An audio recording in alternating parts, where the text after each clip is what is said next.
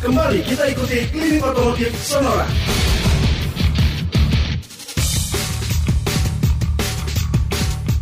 Halo selamat pagi apa kabar? Salam sehat untuk Anda semua Sahabat Sonora yang ada di Jakarta Kemudian Purwokerto, Yogyakarta, Surabaya, Lampung, Palembang, Bangka, Cirebon, Pontianak Kemudian Solo dan pendengar yang ada di kota-kota lain yang tengah mendengarkan Via streaming di sonora.id Kemudian sonora.co.id dan aplikasi Jux Senang sekali pada pagi hari ini saya untuk kembali hadir di acara Klinik Otomotif Sonora dan selama 2 jam hingga pukul 12 yang nanti segala hal tentang otomotif kita akan bahas di acara ini. Pertanyaan, komentar, dan sharing saya tunggu ya di nomor WA dan Telegram 0812 112 9200 ketik kos, spasi nama, spasi usia, spasi alamat, dan spasi pertanyaan serta komentar Anda. Termasuk bagi Anda yang mau bertanya langsung dengan Pak Bebin, cukup ketik on air di bagian belakang. Nanti kami akan hubungi Anda selama acara berlangsung. Dan pada pagi hari ini, saya sudah tersambung bersama dengan Pak Bebin Zuana. Pak Bebin, selamat pagi, salam sehat ya. Selamat pagi, salam sehat buat kita semua. Ya. Saya akan teruskan pertanyaan datang dari Bapak mm -hmm. Yahya. Saya punya mobil Grand New Avanza tahun 2016 tipe E warna hitam. Cat bodinya ini banyak baret, Pak. Baik sisi kiri, kanan, depan, belakang, kap atas juga sering kena kotoran. Last listrik bayangin, Pak. Hah? Iya, kena kotoran las listrik entah kena di mana. Sebagian ada penyok sedikit karena sering lewat jalan tikus, diserempet motor, angkot, kena pohon pak dan lain sebagainya. Saya ada rencana mau apa ngecat seluruh bodi mobil. Pertanyaan hmm. saya, apakah nanti kalau berapa tahun kemudian saya jual, apakah harga jualnya jatuh atau tidak sesuai dengan harga pasaran atau bagaimana? Saya rencana mau cat ulang nih pak. Kalau cat ulang pasti berpengaruh pada harga. Hmm. Pasti. Kalau bisa diusahakan istilah uh, apa showroom mobil bekas itu disol. Oh, oke. Okay. Jadi perbaikannya setempat-setempat, bukan disiram semua. Hmm. Nah, mana yang perlu di sol mana yang tidak baru ketahuan kalau mobil tersebut sudah dipos. Hmm. Nah, Anda harus bisa menemukan uh, salon detailer. Jadi kalau di total pengeluarannya tidak lebih besar daripada ngecot uh, ngecat seluruh body. Hmm. Tetapi harga jual juga tidak akan dijatuhkan karena dicat seluruh body. Karena begini, pembeli begitu tahu bahwa ini pernah dicat seluruh body, curiganya macam-macam toh. Mm, betul. Wah ini sih tabrakannya hebat, padahal tabrak enggak, cuma diserempet doang mm. gitu loh. Ya kan? Diserempet kalau enggak dalam, salon detailer tuh bisa hilangkan bekasnya. Hmm gitu loh. Makanya saya katakan salon saja dulu sampai betul-betul wah yang ini memang tidak bisa gitu apa uh, tidak bisa diatasi lewat uh, salon hmm. perlu disol sedikit tapi jangan semua muanya hmm. usahakan setempat setempat yeah. karena orang paham kok akan sangat berbeda kendaraan yang dipakai di Klaten dengan yang dipakai di Jakarta. Kenapa? Kondisi kepadatannya itu sudah sudah beda gitu. Hmm. Jakarta dengan Bandung nyaris sama. Yeah. Yang tadi kena stang motor lah, bempernya baret kena roda lah, yang gitu-gitu. Hmm itu udah kalau mobilnya mulus banget, kilometernya 60 sekian ribu, curiga. Pasti curiga toh. Hmm. Wah ini di cat seluruh body. Kalau cat seluruh body, orang akan bertanya, kenapa? Pintunya pernah ringsek? Hmm. Pernah nabrak apa? Pernah kejatuhan apa? Kan musim hujan kan banyak kendaraan ketimpa pohon kan, toh? Iya. Orang curiganya akan ke sana. Iya. Jadi sebaiknya jangan dicat ulang dulu, Pak ya? Iya, kalau hmm. saya. Hmm. Salon, setelah di salon, kita lihat bahwa ada yang betul-betul di kan sebuah uh, struktur bodi kendaraan itu kan ada areanya toh. Hmm. Kayak kap mesin itu area A kamu ada cacat dikit aja di kap mesin, pasti kelihatan. Yeah. Spakbor depan, itu A tuh, atasnya tuh. Coba kamu ada baret dikit aja, hmm. pasti kelihatan. Yang gitu-gitu toh. Hmm. Tapi kalau di atap atas, siapa yang lihat-lihat sampai ke atas, itu udah masuk kategori B. Iya. Sebetulnya, hmm. gitu loh. Hmm. Cuma ini kiri kanan loh Pak, ada yang kiri kanan kena juga Pak. Oh iya. Hmm mobil yang dipakai atau motor yang dipakai sehari-hari pasti ada lah. Iya. Tadi disebutkan 2000 berapa? 16 atau 2016, Pak. Lah iya. Hmm. Kan ini udah hampir enam tahun. Iya. Wajar lah. Betul. Oke. Okay. apa-apa. Siap. Yang penting kelihatan resik itu. Hmm. Mobil yang ditelantarkan dengan mobil yang dipelihara itu beda. Yeah. Sama-sama ada baretnya. Betul. Oke. Okay. Yang belum tentu dicuci enam bulan sekali, sama yang mobil tiap minggu dibersihin, diperhatikan. Ya, yang punya saking apiknya jadi tahu. Ya, di dekat ini tempat apa pintu isi itu apa tempat isi bensin ada baretnya dikit di pojokan ini ya minggu lalu nggak ada loh hmm. orang yang apik kayak gitu hmm. itu akan kelihatan toh ya. Cuma tuh kalau ada apik dadakan kalau ya. ada kasus kayak gitu harus buru-buru didempul pak ya biar nggak karatan ya itu kalau sampai ke permukaan metal oh, oke okay. kalau enggak ya ya nggak usah okay. makanya tadi kan tingkat kedalaman cacatnya itu biar ahlinya yang lihat. Hmm. Siap. Apakah perlu sampai apa tadi perlu dilakukan pengecatan atau dipoles saja sudah hilang? Hmm. Kalau hanya di permukaan uh, apa uh, lapisan clearnya itu dengan dipoles saja udah hilang toh. Oke. Okay menarik nih. Siap. Saya beralih ke Pak Jae di Bekasi. Kalau hmm. garis bekas wiper kaca depan bisa dihilangkan nggak Pak? Ada yang bisa, ada yang tidak bisa. Hmm. Maksudnya tak sama dengan pertanyaan cat Anto yang sebelumnya. Tingkat kedalamannya toh. Hmm. Makanya di situ kan kita makin terasa dan terlihat kan toh berapa pentingnya kita memelihara kendaraan. Betul. Ini berlaku semua toh mau hmm. roda empat, roda banyak, hmm. roda tiga, roda dua sama. Hmm.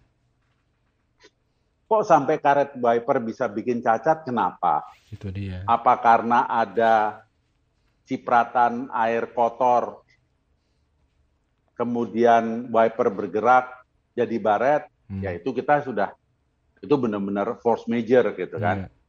Nggak nggak bisa nggak bisa diomong. Tapi ka kalau baretnya itu karena karet wiper sampai sobek, itu salah siapa? Hmm. Yang punya mobil. Yeah. Masa karet wiper sobek kamu nggak tahu? Betul. Itu di depan hidung kamu loh. Hmm. Kan gitu toh. Yeah. Jadi ada yang bisa pada, hilang. Pada kondisi yang... tertentu mungkin kaca mesti diganti toh, hmm. beli baru. Toh hmm. kaca depan juga nggak mahal-mahal amat. Iya Pak. Cuman prosesnya dua kali 24 jam, mobil diam nggak boleh dipakai, nggak boleh bergerak, Siap. nunggu lemnya kering. Jadi harus ganti kaca ya? Bisa bisa bisa usulannya adalah mengganti kaca. Jangan okay. jangan jangan main-main gitu loh. Mm -hmm. Daripada digosok-gosok, yeah. tidak menyelesaikan masalah. Oke. Okay. Ngapain? Uh, ini ada orang Bekasi lagi nih, Pak Pak Ferid Bekasi. Hmm. Mobilnya All New R3 2019. R3 2019. Masih ya, baru dong. Masih baru nih, Pak. Cuma hmm. Mobil saya dilepas. mobil du, uh, saya dulu sering dicuci dengan air tanah. Hmm. Terus ada urat-urat seperti karet belakangan nih Pak. Apakah bisa dibersihkan dengan cara dipoles Pak? Bisa. Hmm. Bisa. Oke. Okay. Apalagi kalau cuman seperti apa namanya peta-peta gitu loh? Uh -uh. Yang kayak yang kayak peta-peta gitu loh. Uh. Oke. Okay. Kan tahu kan kayak gambar pulau. Betul. Iya. Jadi bisa dipoles ya, Pak Ferry? Bisa, bisa hilang. Oke. Okay. Saya beralih ke pertanyaan Bapak Dini Tora. Ini soal mobil listrik, Pak ya. Mungkin nggak nanti ke depannya beberapa tahun ada mobil listrik dengan harga terjangkau. Mungkin di bawah harga 300 juta, Pak. Rasanya mungkin sekali toh. Hmm. Sekarang ini kan seperti kita sudah ngobrol berapa kali. Harga itu kan sebetulnya sekarang ini uh, mempengaruhi jangkauan toh. Cuma dia komponen besarnya memang masih di baterai Pak ya? Baterai, hmm. di baterai. Kan di jangkauan. Hmm. Kalau jangkauannya 200-250 km, rasanya udah nggak mahal toh. Oh. Percaya deh. Hmm. Dalam satu dua tahun ini akan muncul hmm. mobil listrik dengan jangkauan 200-250 yeah. km uh, apa uh, dengan harga terjangkau. Yeah. Nah, kalau bicara 200-250 km, itu kan pemakaian sehari-hari di dalam kota kan udah cukup toh. Betul. Iya kan? Wong kamu bukan ini kok, bukan taksi online kok. Iya. Maksud sana toh. Hmm. Nah itu harganya rasanya sih bisa lah. Karena sekarang saya kaget kok. Mobil sejuta umat harga udah 300 jutaan kan saya kaget udah. Betul. Ya kan? Bisa. Hmm. Apalagi dengan diberlakukannya pajak karbon, nanti mobil listriknya uh, pajak barang mewahnya nol, hmm. sangat dimungkinkan toh. Ya. Tinggal ditunggu aja lah. Siapin ini aja ya, colokan di rumah Pak ya. Iya. Kan PLN kan menyiapkan. Betul. Khusus yang untuk apa uh, charging mobilnya. Mm -mm. Jadi seperti Nah, Anda tinggal beli pulsanya kan seperti anggap aja seperti beli bensin. Betul. Jadi seperti cerita Niko kemarin Pak ya yang Questera iya. itu. Dipisah. Iya. Jangan disatuin, Pak. Oh, enggak, pasti terpisah Terpisah toh. ya. Terpisah. Iya. Jadi urusan rumah tangga itu pengeluaran sehari-hari, uh -uh. yang urusan ngecharge kendaraan itu seperti beli bensin. Betul. Jadi Tinggal bisa... ngecharge-nya kan mungkin kalau 200 250 km mungkin hmm. Tinggal apa dua hari sekali kali ngecharge hmm, hmm. bisa diukur jam, nih jadi jam pengeluaran sampai jam 6 pagi gitu kan siap kita tunggu aja mobil listrik hmm. berapa tahun ke depan harganya dia bawah angka 300 kemudian ada Bapak Sedap Saragih di Tangerang hmm. Mobil saya Grand Livina tahun 2013, tenaga kurang. Hmm. Kalau digas hmm. suka ngelitik sudah saya ganti bahan bakar Pertamax, Pak. Masih ngelitik. Mhm. Ini kenapa demikian, Pak? Kenapa demikian? Karena deposit karbonnya sudah tinggi sekali. Sisa-sisa yang dulu, Pak ya? Hanya serta-merta Anda mengganti bahan bakar menyelesaikan masalah. Hmm. Bersihkan dahulu. Okay. Lakukan normalisasi engine. Hmm. Kan? Nah, tadi disebutkan 2013 kalau nggak salah ya. Yeah. Berarti kan sudah panjang kan? Nah itu dibersihkan semua hmm. dari hulu ke hilir. Selain ngelitiknya hilang, eh, apa tenaga akan kembali gitu loh. Hmm. Hmm. Makanya saya mem memakai istilah normalisasi engine. Yeah. Bukan tune up. Tune up tidak akan menyelesaikan masalah. Yeah. Jadi ganti bahan bakar nggak ini ya? Nggak. nggak. Dan kalau anda ditawari karbon clean juga nggak. Hmm. Itu minimal anda harus lakukan uh, semi overhaul. Oke. Okay. Cylinder head mesti angkat. Hmm. Semua. Yeah. Saluran air, saluran pelumasan, uh, saluran pembakaran. Hmm. Dan jangan lupa periksa itu. 2013 kan sudah ada catalytic converter. Hmm. Rasanya sudah buntu. Itu menyebabkan seperti Anda sakit ini, asma, hmm. sesak napas. Okay. Tenaga mana bisa normal kalau udah begitu. Hmm. Kalau saringan fuel pumpnya gimana Pak? Udah semua harus, oh. itu mah jangan nggak usah di kan tadi saya sudah katakan dari hulu ke hilir. Hmm. Karena udah kotor Filter pasti udah Pak ya. ganti, pompa periksa, hmm.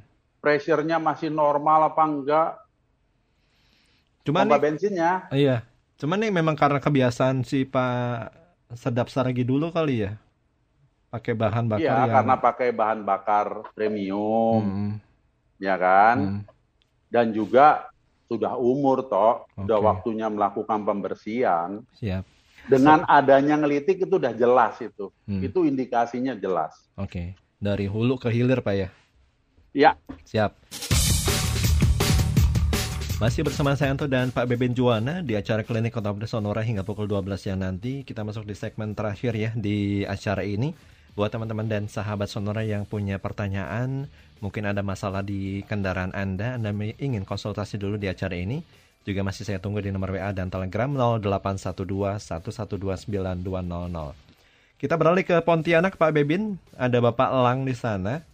Saya lagi cari mobil second atau mobil bekas Pak. Uh, mm.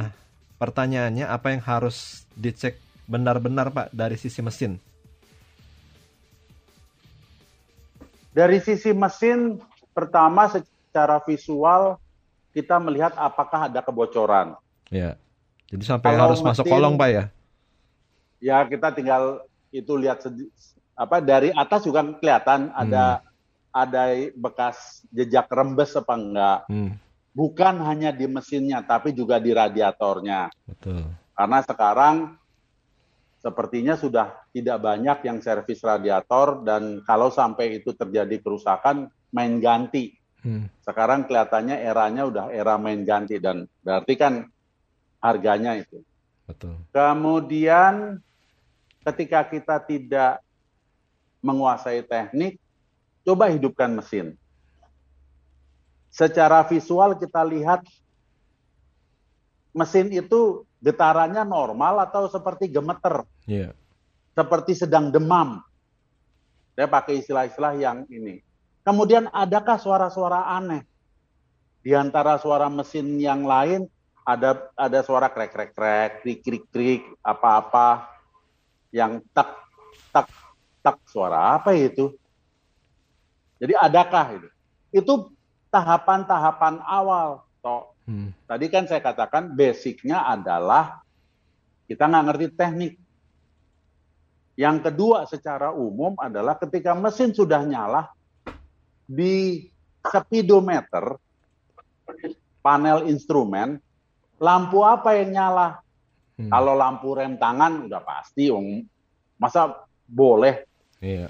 apa uh, menghidupkan mesin tanpa mengaktifkan rem tangan kan salah, rem parkir kan salah, hmm. gitu kan. Tapi ada nggak lampu-lampu lain yang hidup? Yeah.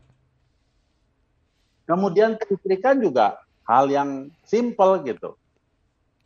Yang mau jual suruh nginjek rem, kita lihat lampu rem nyala apa enggak. Walaupun kamu akan katakan, ya ampun Pak, itu lampu kan satu buah kan nggak sampai 5.000 perak gitu hmm. kan. Hmm bukan bukan harga lampu lima ribu rupiahnya toh. Hmm. Adakah masalah kelistrikan? Masukkan ke gigi mundur Pak. Lampu mundur nyala enggak? Yeah. Lampu sen nyala enggak? Lampu malam, depan belakang. Itu kan hal-hal yang masih dalam apa ya? Batas-batas keseharian yang kita harus tahu. Yeah. Masa kita nggak tahu begituan? Betul. Kemudian tingkat kebersihan di dalam ruang penumpang wajar nggak? Perlu diingat, berkali-kali saya menemukan AC mobil filternya kotor. Ingat, kita sudah dua tahun dijajah pandemi filter itu bukan hanya urusan nggak ada bau-bau kok, hmm. atau mobil ini banyak wangi-wangian, jadi nggak ini. Bukan. Ketika Anda membiarkan filter AC kotor, itu virus dan baksil yang ada di situ. Belum lagi jamur yang bisa tumbuh. Ingat, karena AC itu kan lembab toh. Ya kan? Hmm. Jadi hal-hal itu kita perlu perhatikan. Saya pernah ada kejadian lucu toh. Kendaraan yang pakai wangi-wangian kopi. Hmm. Kopi kan terkenal menghilangkan bau-bauan dalam kendaraan kan? Betul. Ketika mau dijual, mobilnya dicurigain loh toh. Hmm. Mobilnya dicurigain. Ada calon pembeli yang nyeletuk, ini mobil bekas kebanjiran ya. Hmm. Karena dikasih kopi Pak ya? Karena dikasih kopi. Jadi kalau Anda memang bukan apa ya penggila wangi-wangian nggak usahlah pakai begitu-begituan ya, biasa aja karena gini wangi-wangian yang seperti cairan kental itu loh toh uh-uh. yang kayak oli itu warnanya kuning biru merah pink yang ayu segala macam itu toh hijau itu juga belum tentu baik buat paru-paru kita hmm. kan ada yang berlebihan kan di seat belt digantungin di AC digantungin di kaca spion digantungin. Lah ini mobil apa taman bunga kan ada bau mawar, bau melati, bau gitu kan? Jangan bau Kamboja pak ya? Nah ini amit-amit jangan dong. Ya. Jadi uh, itu beberapa hal yang perlu di lagi-lagi saya utarakan. Jika anda sudah melihat secara umum, secara awam bahwa kendaraan tersebut uh, lumayan ya kondisinya kelihatannya memang dirawat dan sebagainya, bawalah ke bengkel resmi untuk lakukan general check up. Yeah. Ikhlaskan 1-2 juta untuk biaya general check up, tapi Anda mendapatkan daftar. Hmm. Ini yang penting. Buat yeah. saya ini yang mahal harganya toh. Yeah. Daftar apa saja yang sudah harus diganti. Yeah. Jadi memang kalau beli mobil bekas harus menyisikan uang lebih Pak ya buat general check up iya. tadi ya. Iya. Oke. Okay. Tapi ada ya ada juga kalau kamu beruntung yang buku servisnya toh lengkap banget. Iya. Perempuan tuh Pak biasanya Pak. Dari 500 sampai 500 kilo hmm. sampai misalnya statusnya di 25 ribu kilo hmm. karena ini mau dijual 26 ribu 25 itu semua ada tuh. Hmm. Wah itu enak tuh. Iya. Itu tinggal ke dealernya, habis ini giliran apa sih? Karena iya. nggak mungkin nggak. Betul. Jadi jangan beranggapan, wah berarti kalau begitu saya nggak keluar duit apa? Enggak. Mobil baru aja bisa balik ke bengkel kok. Hmm. Kan ada kasus-kasus cerita yang macam-macam hmm. sentralok lah, hmm. apalah. Cuma kalau misalnya Pak ya buku servisnya lengkap Pak dan hmm. baru trade service dua minggu yang lalu, tetap hmm. general check up atau gimana Pak? Tetap, itu kan oh, buku tetap, servis. Iya. Okay. Adakah perbaikan yang tertunda? Hmm. Kan pertanyaannya gitu. Yeah. Misalnya di servis yang sebelumnya sudah ada catatan dari bagian servis ini bagusnya sih terot diganti. Hmm. Satu udah goyang. Kan pemilik kan bisa bicara begini kan toh. Ya udah nanti sekalian aja lah. Iya. Itu kan baru ujung yang satu, ujung satu lagi kalau memang goyang jadi saya gantinya sekalian. Kan bisa ngomong begitu kan, hmm. kan toh. Gitu. Ya, Salam ya. sehat Pak Bebin ya. Prokesnya jangan lupa kita Pak. semua, salam sejahtera. Kita jumpa lagi minggu depan.